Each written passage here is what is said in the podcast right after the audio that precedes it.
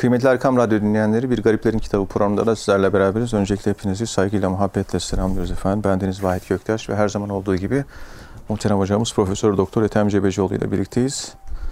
Kıymetli hocamız bize erken dönem sufilerinden bahsediyorlar. Onların hikmet sözlerinden, hayat hikayelerinden, biyografilerinden bahsediyorlar. Muhterem hocam Vasıtı ile devam ediyorduk. Vasıtı Ebu Bekir Muhammed bin Musa el Vasıtı Fergani ilk sufilerden vefatı 932 e, miladi 320 hicri erken dönem sufilerinden birisi. Onun tasavvufi haller ve makamlar konusunda ilk defa fikir beyan eden sufiler arasında sayılıyor. Makamların kesbi değil ve hepi olduğunu savunuyor. Haller konusunda da kendine özgü yorumlar geliştirmiş. Yani haller ve makamlar konusunda ilk defa ele alan sufiler. Rızadan haz alır. Rızaya değer verirsen diyor sana tecelli eden şeyin mahrum kalırsın şeklindeki bir sözü var. Dilerseniz bununla başlayabiliriz kıymetli hocam. Buyurun Sayın Hocam. Euzu billahi mineşşeytanirracim. Bismillahirrahmanirrahim. Elhamdülillahi rabbil alamin. Ve salatu ve selamu ala Resulina Muhammedin ve ala alihi ve sahbihi ecma'in ve bihi nesta'in. Evet. Muhterem dinleyenlerim hepinizi kalbimin en derin, en samimi yerleriyle, bütün hücreleriyle selamlıyorum. Allah son nefeste imanla ölebilmeyi nasip eylesin. Yaşım 73. Bu hayat boş. Vardım sonuç bu. Yani o kadar uğraştık, çabaladık bilmem ne vesaire. Bu işin yani la ayşe illa ayşel ahire ve te la işe illa işel ahire. Peygamberimizin dediği gibi. Yaşamak mı diyor? İşte ahiret hayatı diyor. Yaşamak mı? Ahiret hayatı. Ben o şeyi böyle tercüme ediyorum ki la olduğu için la cinsi nefi ediyor. Cinsi nefi edince verecek manada çok güçlü bir kesinlik anlam vurgusu yapılması lazım. Ha, hayat mı? Yaşamak mı? Ahiret hayatı ya diye tercüme ettiğiniz zaman tam cuk diye oturuyor. Yoksa kelime kelime tercüme edersen ahiret hayatından ve yaşamasından başka yaşamak yoktur. Asıl hayat yani, ahiret hayatı. Yani şeyde o la'ya bu tercüme o la'nın e, açıklanması la'ya göre bir tercüme değil. La görüyoruz. La'ya göre bir kesinlik vurgusu nasıl yapılacaksa yapılacak. Ha, yaşamak mı? Ha. Ahiret hayatı o kadar. Şu bu cümle La işe illa işel ahireti e, hadis-i şerifinin tam açıklaması. Tabii şu benim hep dikkatimi çekiyor muhterem dinleyenlerim. Yani Ebu Hamza Bağdadi olsun, efendim söyleyeyim Kuşeyri olsun, efendim söyleyeyim Ebu Süleyman Huvari olsun, Cüneyd-i Bağdadi olsun, Seri Sakati olsun. Miladi o 900 yıl var ya 900. yüzyılın başından 901'den 9000'e kadar olan bir 100 sene. Tasavvuf işte o tam teşekkül ettiği dönem o işte. Tasavvufun altın yılı o. Evet. İkinci sıçramayı da işte Mudin Arabi 1240'da ölüyor. Mevlana 1273'te ölüyor. Ondan sonra 1320'de Yunus Emre ölüyor. Pek çok bir de böyle 1200 ile 1300 yıllar arası. Bakın 900 bin arası miladi 900 bin ile arası bir ayrı olay. 200 sene bekliyoruz. Ondan sonra ayrı bir olay. Bir de ta başta tasavvufun ilk sahabede görülen şekiller var. Peygamberimiz yaşıyor. Sahabenin bir yaşaması var. Ondan sonra gelen Cüneyd Bağdadi dönemi onların bir yaşa peygamber onlar da peygamberimiz yaşıyor. 1200 senesinde de peygamber yaşıyor ve anlaşılıyor. Şu anda biz 21. yüzyıldayız. Şu anda da yaşanılıyor ve anlaşılıyor ve anlatılmaya çalışıyor. Hepsi aynı aslında. Zaman ve zemine göre anlam renk kazanabiliyor. Mananın renk kazanması. Bunu ben hep şöyle anlatıyorum. Abdülkadir Geylani Hazretleri ile ilgili olarak Muddin Arabi Hazretleri şöyle söylüyor. Bana diyorsunuz ki yani cümleleri böyle daha böyle bir ağır anlatıyorsun. Daha böyle çok anlam yüklü. Böyle basit değil. Halbuki eski sufiler daha böyle basit bir şeyle anlatırlardı. Niye böyle anlatıyorsun? Yani karışık kuruşuk bir şeyler söylüyorsun. İbn Arabi için. O da diyor ki benim söylediğimle Abdülkadir Geylani Hazretleri'nin söyledikleri aynı şey diyor. Bana diyor Mekke'de Abdülkadir Geylani Hazretlerinin hırkası giydirildi. Abdülkadir Geylani Hazretleri'nin hırkası giydirildi bana ve onun hakikati bana verildi. O kendi yaşadığı dönemde o insanların anlayacağı irfana göre anlattı gitti. Ben de bu yaşadığım döneme göre insanların irfan seviyesine göre konuşuyorum. Olay bundan ibaret diyor. O, o devirde olsam o dili ben de kullanır diyor. Ama devir değişti. Mekan aynı ama zaman değişti. Zamanla beraber insan da değişti. Ve bu değişimler hep tekamüle doğrudur. Unutmayın. Hep tekamüle. Aşağı iniş değil, tekamüle. Yani kainat önce kainata ratka şöyle bir bütün halinde kaotik halde, kaynaşık haldeydi kainat.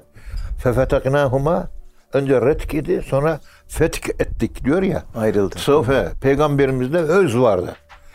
Hatta bu yüzden tasavvufu biz tarif ederken en kesin tasavvuf tarifi şudur ve iddia etmiyorum ama örtülü bir iddiadır bu aslında benimki. Peygamberimiz Kur'an-ı Kerim'i nasıl yaşadı? Bak peygamberimizin yaşadığı Kur'an. Tasavvuf bundan ibaret. Yani Kur'an-ı Kerim'e bakacağız. O ayetleri peygamberimiz nasıl yaşadı ona da bakacağız. Peygamberimizin yaşadığı Kur'an. En iyi o anladı, en iyi de o yaşadı. Tasavvuf bundan ibaret. Hakikaten bize verilen maneviyat derslerine bakıyorum. E, Peygamberimizin sünnetlerinde, hadis-i şeriflerde, ayet-i kerimelerde olan şeyler. Farklı bir şey yok. Ebu Bekir Vasıti Hazretleri'nin yaşadığı dönem de işte bu altın dönem. Yani toparlanmış, toparlıyorsun, toparlıyorsunuz. Hepsi bir yerde kümelenmiş böyle. İşte sahabe dönemi Humama İbni Humama Eddevsi e, Hicri 117'de öldüğünde dön sonra aradan bir 200 sene yakın zaman geçiyor. Bir parlama oluyor. Ondan sonra binde 1200'e kadar bir 200 sene geçiyor. Yine bir parlama oluyor.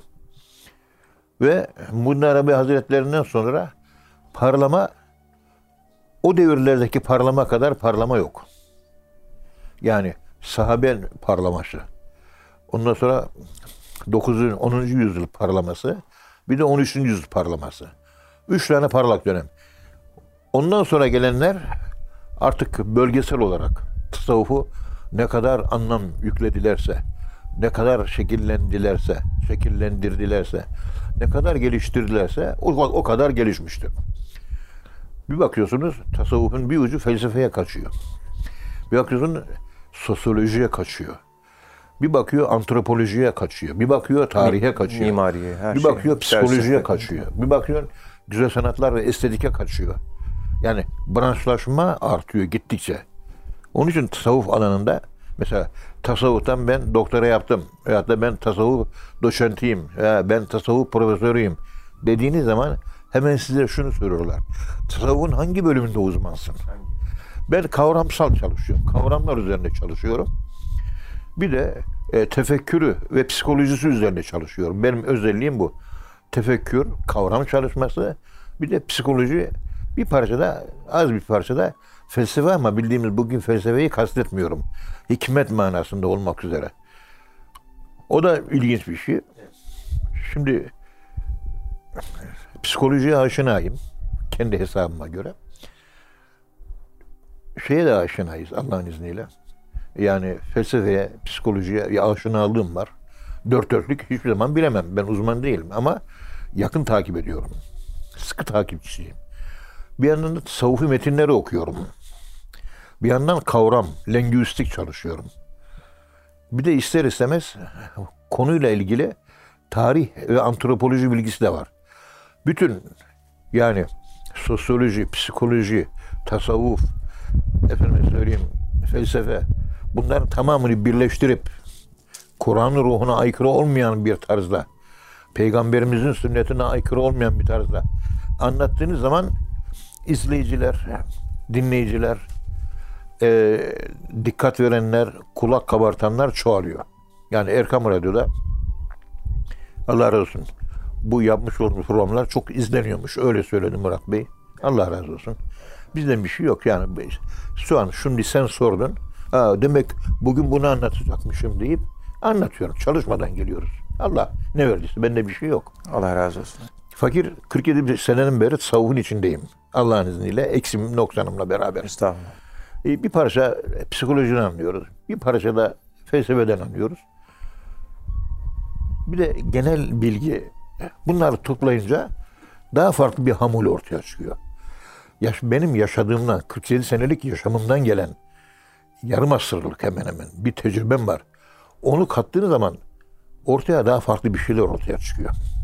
Daha yaşanan bir şeyleri anlatmaya çalışıyorum. Muvaffak oluyorum ve olamıyorum. O Allah'tan. Yani sefer bizden, zafer Allah'tan. Ama bütün bunları birleştirip total bir yaklaşımla, bir bütüncül yaklaşımla bunların hepsini izah ederek dikkat çekmeye, anlatmaya, insanları maneviyat yoluna yüreklendirmeye çalışıyoruz. Bugünkü dili kullanmazsanız, günümüz aklını okuyamazsanız hiçbir insan İslam'a kolay kolay sempati duyamaz. Ancak hidayet ne olursanız olun, peygamberimiz bile olsa Ebu Talib'i Müslüman yapamadı. İnneke la tehdi men ahbebte velakinnallâhe yehdi men yeşâ. Hidayet ancak Allah'ın elindedir. Konuşanlar ve ma aleyna illel belâgul mübin. Güzel güzel tatlı tatlı anlatmaya çalışmak. Bizim hedefimiz, gayemiz o. Şimdi devirden devre bu şekilde tasavvuf evrile evrile geliyor ve mesela şu bulunduğumuz Dumlupınar köyü. Çubuğun Dumlupınar köyündeyiz.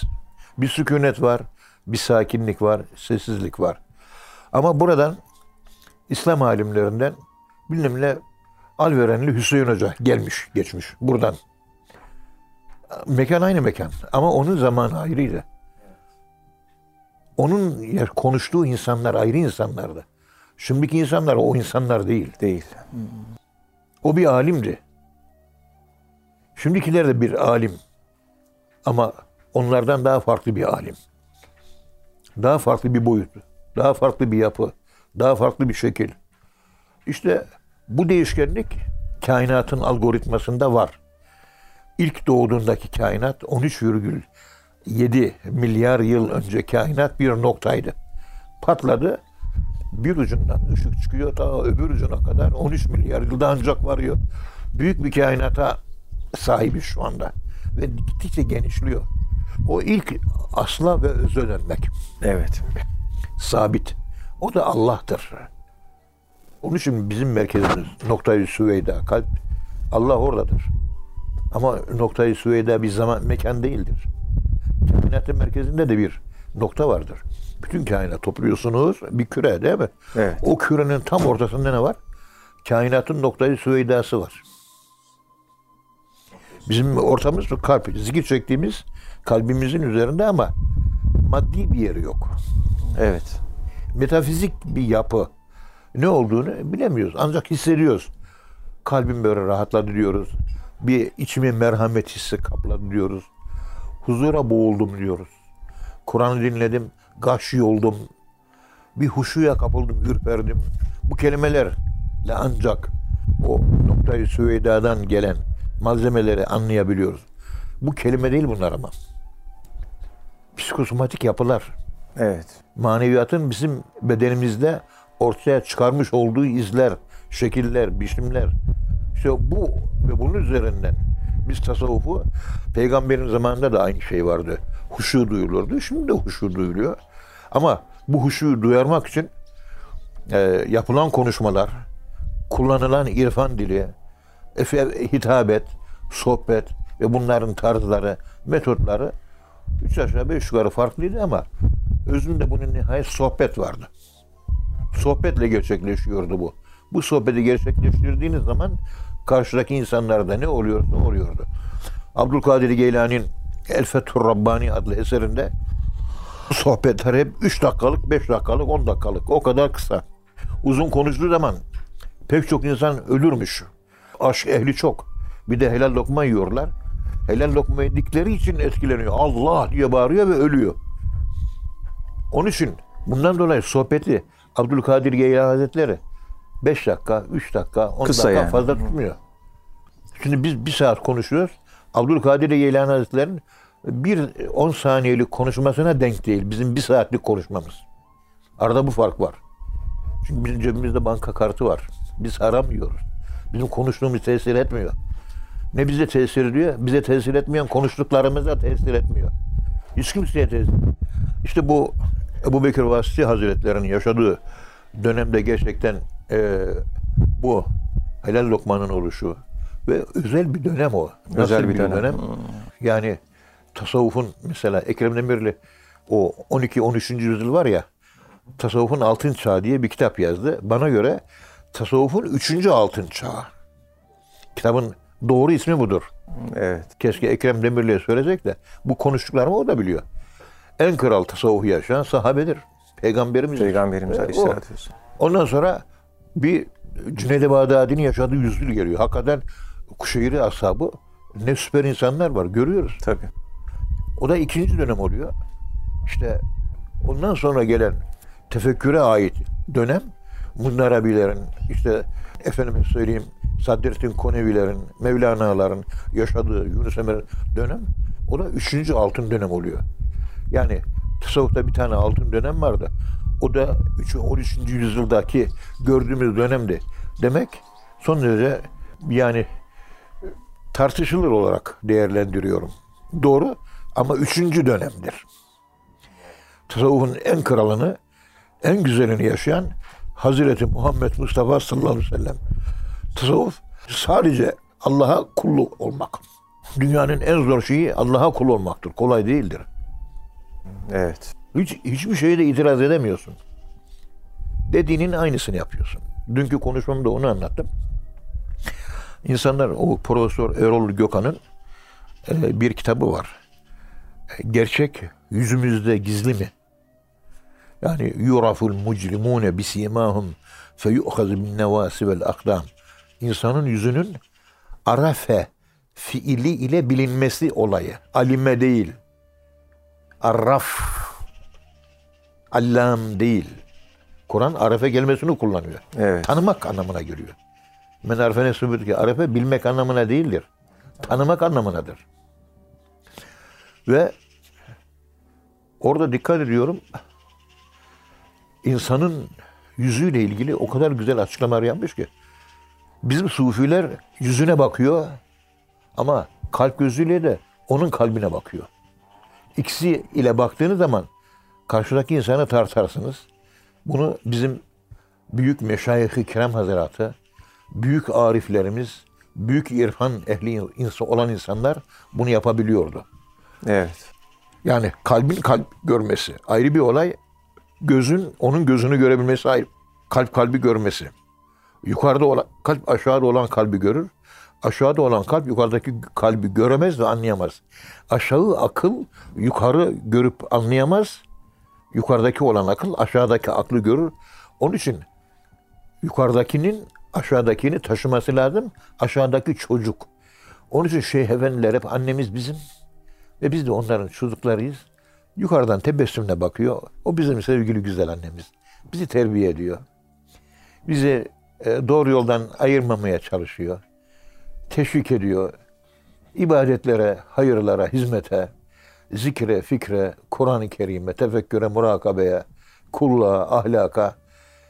Anne gibi yani. O yani ümmi. Ümmi. İşte buradan hareketle onu söylüyorum. İnsan dua derken avucumuzu söyle açıyoruz değil mi yukarı? Ben sana teslimim anlamına geliyor. Beden dilinde bizim Ankara İlahiyat'ta peygamberimizin beden dili kullanması ile ilgili 650 sayfalık bir doktora tezi hazırlandı. Hatta o yayınlandı. Peygamberimizin beden dili. İnternete girerseniz bulabilirsiniz okuyun bir. Çok güzel bir kitap okumak lazım.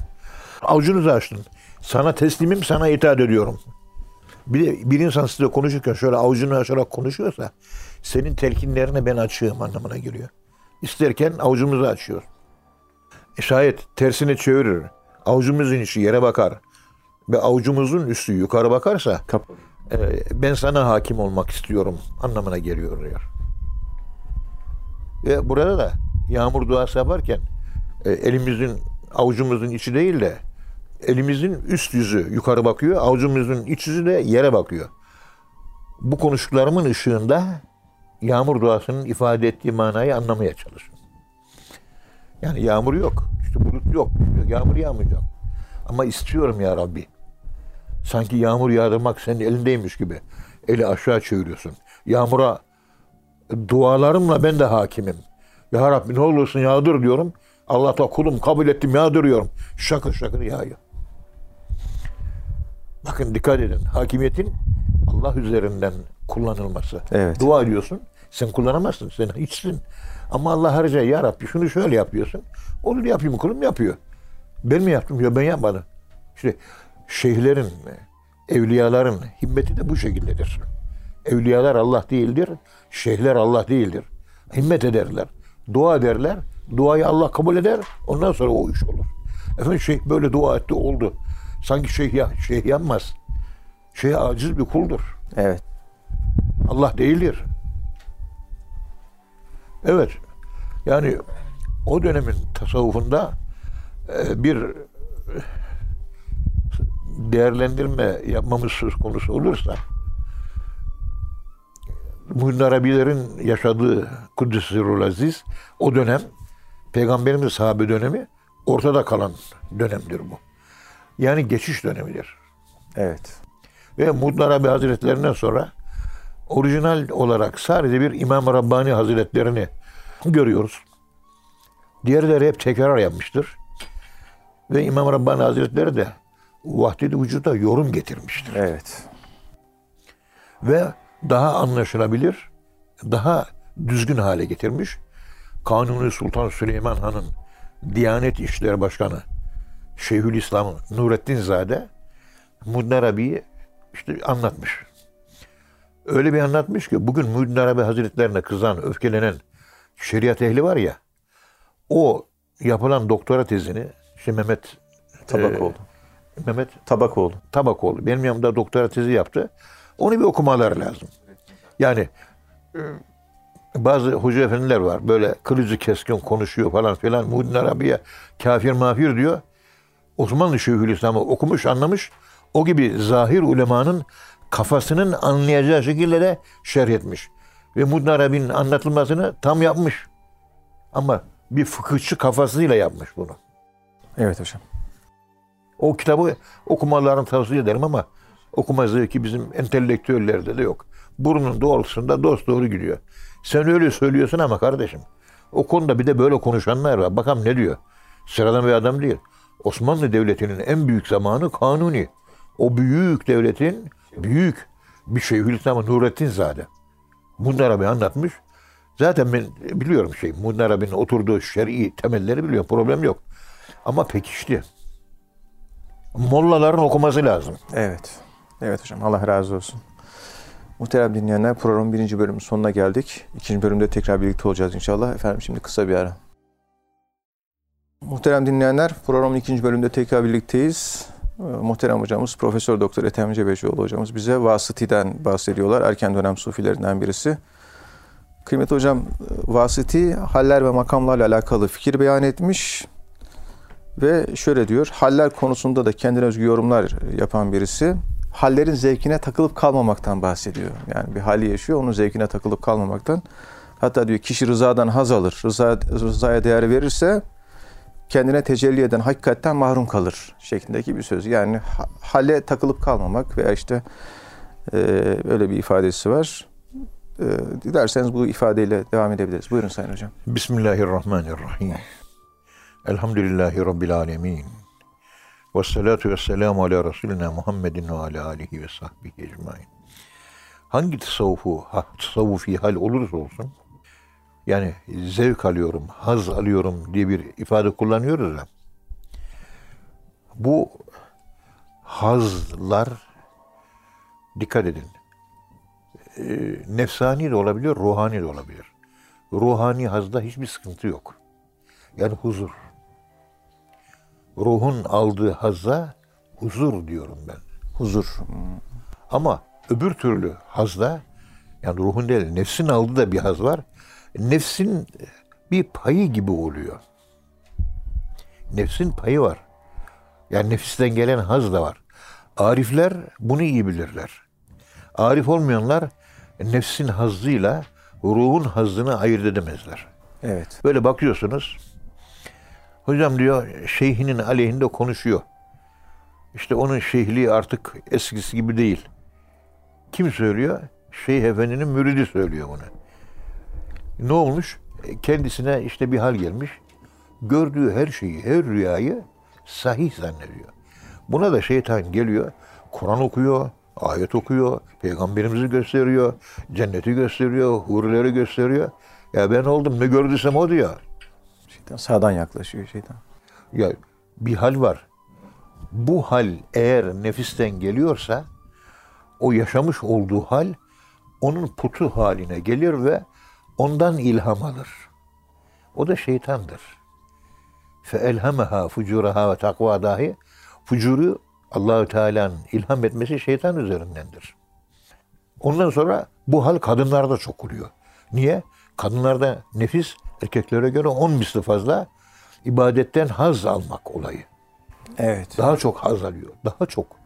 Erkeklerde kadınlar kadar ibadetten haz alma olayı güçlü değildir. Erkeklerde daha zayıftır. İşte bu hallerden haz almak, zevk almak konusunda acaba ruhum Allah'a olan aşkından saf böyle kendimi görmüyorum. Bu Allah'tandır deyip kaybolmuşum. Ve bu hal bende sahih mi değil mi? Sahih olup olmadığının bazı göstergeleri var muhterem dinleyenlerim. Mesela o şu. Çok önemsiyorum ben bunu. Evet. Ramuzul Hadis'te okumuştum. Orada diyor ki Peygamberimiz sallallahu aleyhi ve sellem Allah bir kulunu cennetine koyacaksa ona kendi kusurlarını gösterir, başka insanların kusurlarını göstermez diyor. Yani özne özüne ilişkisi gelişir. Ben Allah'la beraberiyim. Evet. Eğer cehenneme koyacaksa kulunu kendi kusurlarıyla değil de başkasının kusurlarıyla meşgul eder diyor. Dolayısıyla yaşadığı münasebet özne nesne münasebeti. Merkezden dışarıya savrulma ve alienation problemi. Yani kendine özüne yabancılaşma, özünden uzaklaşma, yani Allah'tan uzaklaşma söz konusu. Evet. Olayı bu şekilde değerlendirirseniz bakıyorsunuz belli bir makama gelmiş. Şu adama baktım diyor. Hali ve tavrı diyor. Çok sarsak diyor. Ben işte görüyorum diyor. Yani kalp gözü sanki açılmış gibi. Çok böyle ifadelerinde huzursuzluk verici eleştiriyor. Onu eleştiriyor, bunu eleştiriyor, onun yanlışını görüyor. Ve bunu maneviyat adına yapıyor. Ben açık bir şeyler bende var diyor. Ben gördüğüm de doğrudur ha diyor. Böyle bir hal varsa hali halden haz alanlar, halden zevk alanlar ve bu yüzden yaşadığı hali putlaştıranlar, yaşadığı hali Allahlaştıranlar diyorum ben buna. Tanrılaştıranlar. Onun için heva kelimesi kullanmış. Heva nefsin heva, nefsin hazlarıyla alakalı bir kelime heva. Evet. Aşk. Ama metafizik heva da var. Fizik heva da var. Hevada o da var. Onun için Eferayete meni tagaze ilahehu hevahu. Bu ayet-i kerimeye Muddin Arabi Hazretleri Allah'ın aşkından daha büyük aşk var mı diye tercüme ederken Tabii. esas manası kişinin her sevdiği şey Allah'tan başka Kendi onun tanrısı. tanrısıdır. Tanrısı oluyor. Nefsinin arzuları onun tanrısı. Evet. Nefsinin arzularını tanrı haline getireni görmedin mi? Noktasında bir kapı açılıyor burada. İlginç değil mi bu da? Evet. Nereden neler çıkıyor? İşte arifler bunu biliyor. Bende başkalarını eleştirme yönünde bir eğilim varsa ha benim hazzıma şeytan karışıyor. Başkasının hatalarını görüyorum. Başkasının hatası değil. Peşinden gittiği şeyhin aleyhinde konuşuyor. Ve kadınlarda çok oluyor. Ayşe Hanım, Fatma Hanım, Nigar Hanım bilmem ne bakıyorsunuz. Kadınlarda çok. Ya Şeyhimiz diyor bizim diyor eskiden e, çok güçlüydü diyor. Şimdi ondan maneviyata bazı şeyler alındı diyor. Fakirleşmiş gördük diyor. Sakalı yok diyor. Bilmem nesi yok. Şeytanın oyuncağı olmuş. Bunun farkında değil. Bakın verdiğim kriter yani bu nokta çok hassas. Arifler bunu biliyor. Fizik mi, metafizik mi zevk alıyor? Metafizik zevk alıyorsa problem yok, devam etsin. Alameti de o durumda olan bir kimse dönüyor hep kendi kusurunu görüyor. Dönüyor hep kendi kusurunu görüyor. Dönüyor hep kendi. Başkasını hiçbir şey görmüyor. Eller yakşı ben yaman diyor. Herkes güzel ben çirkinim diyor. Şimdi piyasada gördüğümüz ter- derviş psikolojisinde ve derviş tipolojisinde en çok hangi grup hakim? Vahidçiyim. Başkaları Herkes onu bunu eleştiriyor. kendine Beni kimse bak- eleştiriyor, onu eleştiriyor, onu eleştiriyor. Kendine bakmıyor. Bakıyorsun oğlu FETÖ'cü olmuş Amerika'da geziyor. E bir dön de kendine bak ya. Sen senin binan harap olmuş. Sen yıkılmışsın. Sen rezil olmuşsun.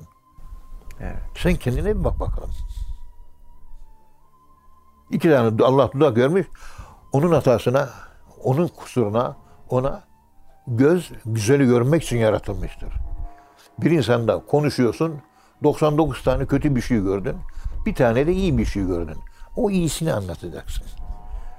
Ya şu noksanlar da vardı. Ya ben onu göremedim.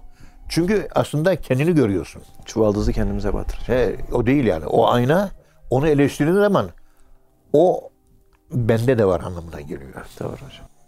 Kendinde var şeyhlik, şeyh olma yapısı. Onun için şeyhini eleştiriyor. Nefis yani. Ta- İşte ilimle beraber tasavvuf olmayınca arkadan gelen vagonlarda bu şekilde lokomotif olma, lokomotif olma özelliği artıyor.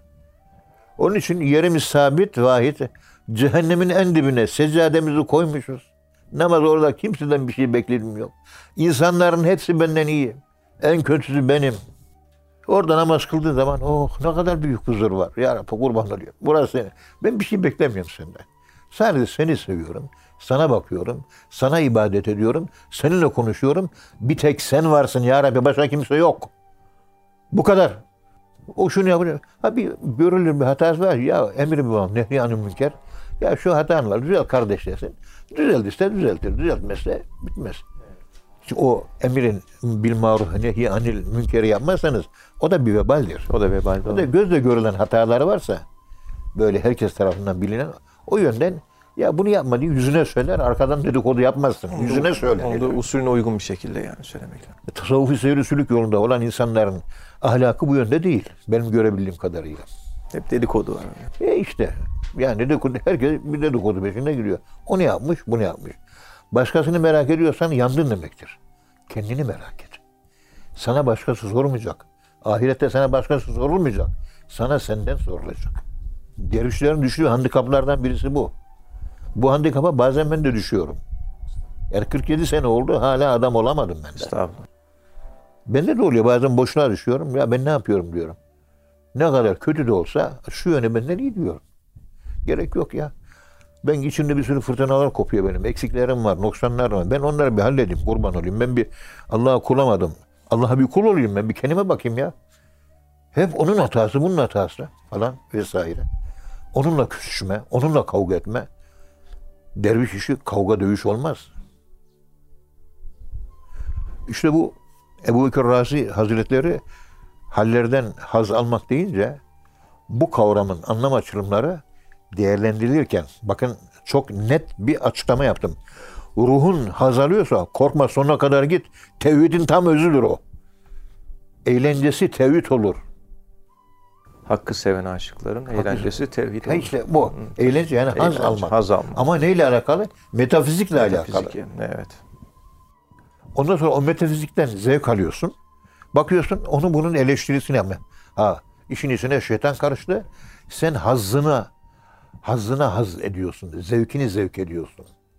Yani zevkini tanrılaştırıyorsun. Hazzını tanrılaştırıyorsun. Hazza takılıp hakikatten mahrum olmayın anlamında. işte o işte onu anlatmaya çalışıyorum. Hakikate ermek. yani. Çok basit bir formül verdim. Ve en yaygın hastalık yani dervişan grubunda bu hastalık. Tebessüm yok mesela. Kardeşler tebessüm edin bir ya.